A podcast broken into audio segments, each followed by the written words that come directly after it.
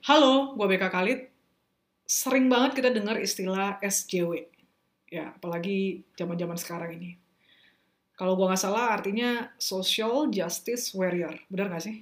Ya. Jadi SJW ini dianggap adalah orang-orang yang memperjuangkan gitu keadilan sosial dari berbagai aspek untuk berbagai isu gitu ya untuk bisa memperjuangkan ya mungkin isunya bisa seperti kesetaraan gender uh, perubahan iklim, uh, pemanasan global, perlindungan terhadap hewan dan sebagainya gitu. Macam-macam lah. Yang penting keadilan sosial. Ada yang salah dengan SJW ini? Menurut gue nggak ada. Ya, uh, keadilan itu memang harus diperjuangkan. Apalagi itu membawa dampak kepada komunitas, kepada society kita secara sosial gitu. Jadi kalau memang kita tahu ada anak-anak yang uh, umurnya masih sangat-sangat belia tapi harus sudah dipaksa menikah. Kita harus perjuangkan bagaimana caranya supaya orang tuanya mindsetnya berubah sehingga anak-anak yang secara kesehatan pun tidak bagus untuk dinikahkan pada usia muda itu tidak dinikahkan lagi karena orang tua sudah punya mindset yang baru. Atau tentu kita senang kalau misalkan ada orang tua yang lebih fokus memperhatikan pendidikan bukan hanya buat anak prianya saja tapi juga buat anak-anak wanitanya anak-anak perempuannya gitu. Kita juga senang kalau misalkan ada uh, komunitas gitu yang memastikan bagaimana eh, hewan-hewan itu dilindungi gitu ya, tidak buang sampah sembarangan ke laut, sampah plastik tidak menggunung gitu ya. Terus kemudian hewan-hewan itu diperlakukan dengan baik ya, tidak dihajar, disiksa atau diperlakukan dengan tidak etis gitu lah misalkan. Kita juga senang kalau misalkan ada keseimbangan gitu loh di dunia ini, ada keadilan yang merata gitu dan itu juga salah satu pasal sila dalam Pancasila di bangsa kita di Indonesia. Keadilan sosial bagi seluruh rakyat Indonesia.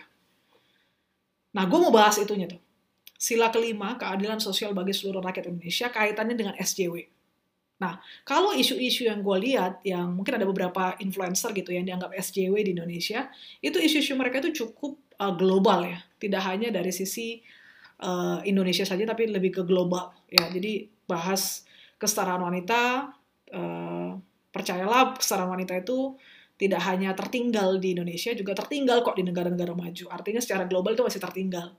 Tapi tertinggal atau tidak tertinggal itu tergantung dari kacamata mana kita melihatnya. Ya. Tapi kalau kita kembali ke sila kelima Pancasila, keadilan sosial bagi seluruh rakyat Indonesia, rakyat Indonesia itu kan adalah orang, manusia, bukan hewan, bukan tumbuhan. Jadi kita mau bahas di podcast kali ini, di audio ini spesifik kepada rakyat, kepada manusia. Kalau ini gue setuju banget. Semakin banyak orang yang lahir menjadi SJW, Social Justice Warrior, untuk mensejahterakan, membuat keadilan sosial bagi seluruh rakyat Indonesia, dari Aceh sampai Papua, itu maka kita akan bahagia banget gitu. Karena ada orang-orang yang peduli dengan sesamanya. Dan ini menunjukkan bahwa kita mengasihi satu dengan yang lain. Itu penting banget menurut gue. Jadi gue khawatir begini, kita itu SJW dengan isu-isu global atau isu-isu Indonesia, terus akhirnya kita tuh jadi kayak mengerucut kebencian satu dengan yang lain. Akhirnya kita berkelompok, berkelompok, berkelompok, berkelompok, tidak seperti apa yang diamanatkan di sila kelima Pancasila, keadilan sosial bagi seluruh rakyat Indonesia. Artinya kita harus cari jalan tengah, bagaimana caranya supaya yang satu tidak merasa dikalahkan, yang satu tidak merasa dimenangkan. Tapi adil, itulah keadilan. Ada balancing seperti timbangan. Jadi ketika kita terus-menerus menyampaikan perjuangan kita bahwa eh anak-anak kecil yang usianya masih di bawah 13 tahun itu jangan dong dinikahkan. Gitu. Gue setuju banget. Dan ini menurut gue salah satu bentuk keadilan sosial bagi seluruh rakyat Indonesia. Tapi pertanyaannya, kita harus cari tahu. Jangan sampai kemudian kita membuat kebencian kepada satu pihak, karena mungkin orang tua-orang tua mereka, tradisi mereka, lingkungan mereka juga sudah hidup sekian lama dengan pola seperti itu, sehingga mereka juga mungkin nggak tahu mana yang benar, mana yang salah, dan kita siapa kita gitu ya, merasa sok benar, sok tahu, tapi kita bisa paparkan alasannya secara kesehatan, alasannya secara ini dan itu, kita sampaikan kepada mereka, kita buktikan dengan fakta, tapi dengan dasar kasih. Maksudnya kasih ini gimana sih? Kasih ini gini, kalau mereka belum bisa menerima, ya dengan sabar diajarkan. Kalau mereka masih menolak, ya dengan sabar diajarkan. Jangan di berondong gitu loh, dengan emosi, dengan geragas gitu loh. Ini self reminder buat diri gue sendiri.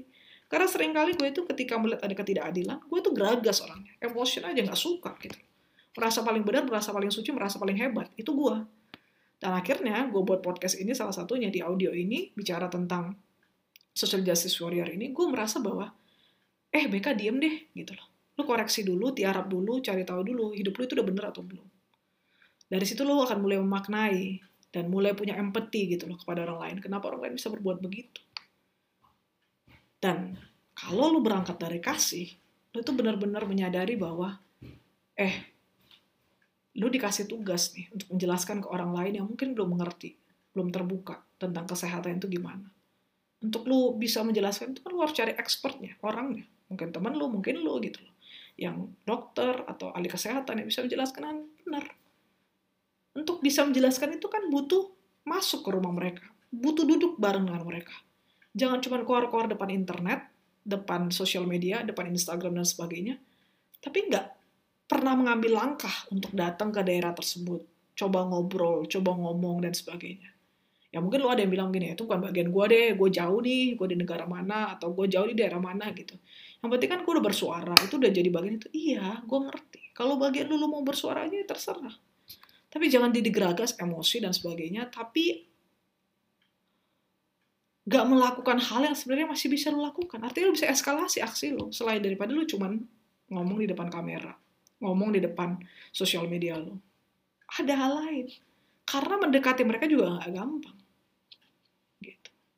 Dan lo masih bisa doain. Ini untuk gua BK. Jadi ini self reminder buat diri gua sendiri. Thank you for listening.